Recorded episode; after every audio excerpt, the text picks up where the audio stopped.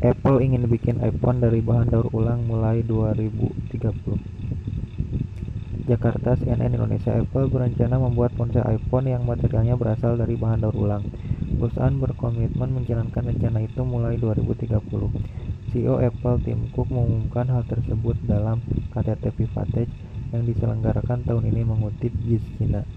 Ia mengatakan masa depan perusahaan akan bergantung pada sumber daya terbarukan.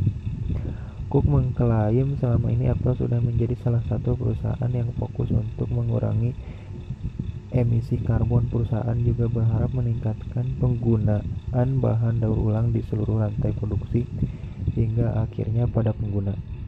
Sebelum keinginan itu benar-benar terwujud, Apple sudah menawarkan konsep yang pantas untuk dibanggakan misalnya 40% dari aluminium yang digunakan dalam pembuatan Mac adalah bahan yang didaur ulang.